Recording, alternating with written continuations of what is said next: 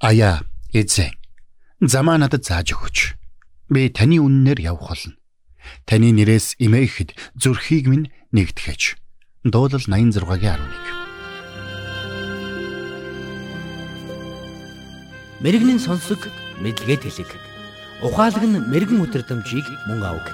Доктор Харалт цаалогийн мэрэгэн зөвлөмж нэвтрүүлэг.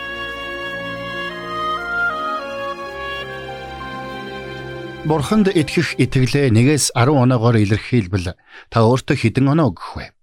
Баг байхдаа бид цэцгийн дэлбээ тастаж аваад тэр надад хайртай, тэр надад хайргүй хэмээн тоглодог байсан шүү дээ. Энэ нь цаад хүн маань надад хайртай эсхийг би бүрэн итгэлтэйгээр хэлж чадахгүй байна гэсэн үг. Хайр сэтгэлийн харилцаанд хүмүүс бид бие биенээсээ үнийч сэтгэлийг хүсэж, бие биедээ хайраа хоёргүй сэтгэлээр зориулахыг шаарддаг. Тэгвэл Бурхан ч бас Христэд итгэгч биднээс үүнтэй адил зүйлийг хүсдэг. Бурхан биднийг өөрт нь бүрэн хандсан зүрхтэй байгаасаа гэж хүсдэг гэдгийг Библиэд тодорхой өгүүлсэн байдаг. Тэгвэл та Бурханд бүрэн хандсан зүрхтэй хүмүүс үү? Та бодоод үзээрэй. Библийн хуудсыг сөхвөл өөрт нь бүрэн хандсан зүрхтэй хүмүүсийг хүчрхэгжүүлэх гэж эзний мэлмий дэлхий даяар хэрэн хийсэж явдаг юм хэмээн 2 дугаар шестер 16-гийн 9-т өгүүлсэн байдаг. Мөн дуулал 86-гийн 11-т хэлэхдээ таны нэрээс эмээхэд зүрхийг минь нэгтгэж гэсэн байдаг. Бурханд өөрийгөө бүрэн зориулсан хүн гэж ямар хүнийг хэлэх вэ? Энэ цагт би та бүхэнд Бурханд өөрийгөө бүрэн зориулсан бүх зүрхээрээ Бурханд итгэдэг хүнд байдаг таван шинжийг хэлж өгье. Та эдгээр шинжүүдээр баримжаалж өөрийгөө Бурханд бүрэн зориулсан хүн мөн эсхэ олж мэдэрэй. 1 Бурханд бүрэн итгэх. Энэ нь та болж байгаа бүхний цаад шалтгааныг заавал мэдэхгүй. Ойлгохгүй байсан ч Бурханд бүрэн итгэнэ гэсэн үг. Таны амьдралд юу ч тохиолдож байсан. Бурхан тэр бүхнийг мэдэж байгаа гэдэгт итгэнэ гэсэн үг.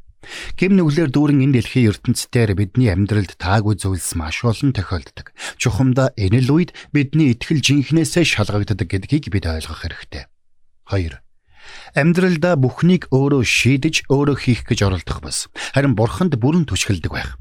Энэ нь мэдээж та гараа хомхин суугаад бүхнийг бурхнаар хийлгэн гэсэн үг биш ээ.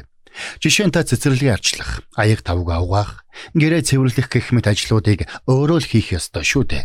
Эзэн Есүс ч бас нэгэн цагт мужааны ажил хийдэг байсан гэдгийг та санаарай. Харин та өөрийн хийж чадах бүхнийг хийхдээ бурханд бүрэн итгэж найдах юм бол таны хүч үл хүрэх зүйлсийг бурхан таны төлөө хийх болно гэдэгт итгээрэй. 3.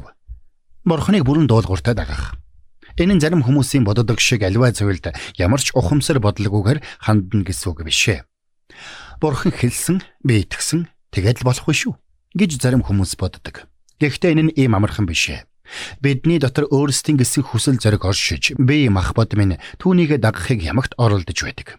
Тэгвэл эзэнд зүрх сэтгэлээ бүрэн зориулсан хүний хувьд эзнийг дагах хэсэг тухай маргаан мэтгэлцэн огт байдаггүй. Учир нь тэр хүний амьдрал бүхэлдээ бурхныг дуулууртаа дагсан амьдрал байх болно. 4. Бурхнаа мэдэх мэдлэг.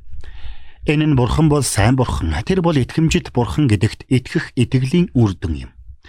Та бурхны мөн чанар, зан чанаруудыг таньж мэдэх тусам таныг хайрлах түүний агуу хайрыг улам бүр таньж мэдэх болно.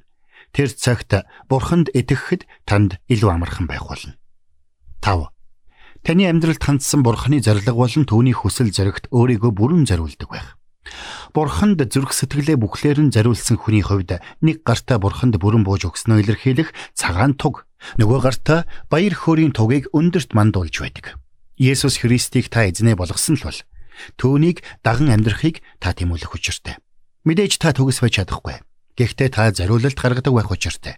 Олонний өмнө гарахтаач энэ л итгэлээсээ ухарч няцдаггүй байх учиртай. Эдгээр нь бурханд зүрх сэтгэлээ бүрэн зориулсан хүнд байх таван чанар юм. Бурханд итгэх, бурханд түшиглэх, бурхныг дуулууртаа дагах, бурхнаа таньж мэдэх болон бурханд өөрийгөө зориулах. Өнөөдөр таны амьдралаас эдгээр чанарууд илрэн харагдаж байгаа эсхийг та анхааралтай ажиглаарай.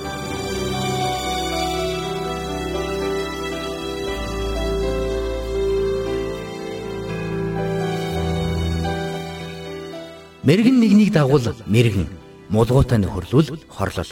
Доктор Харалт цайлигийн мэрэгэн зөвлөмж нэвтрүүлэг танд хүрэлээ.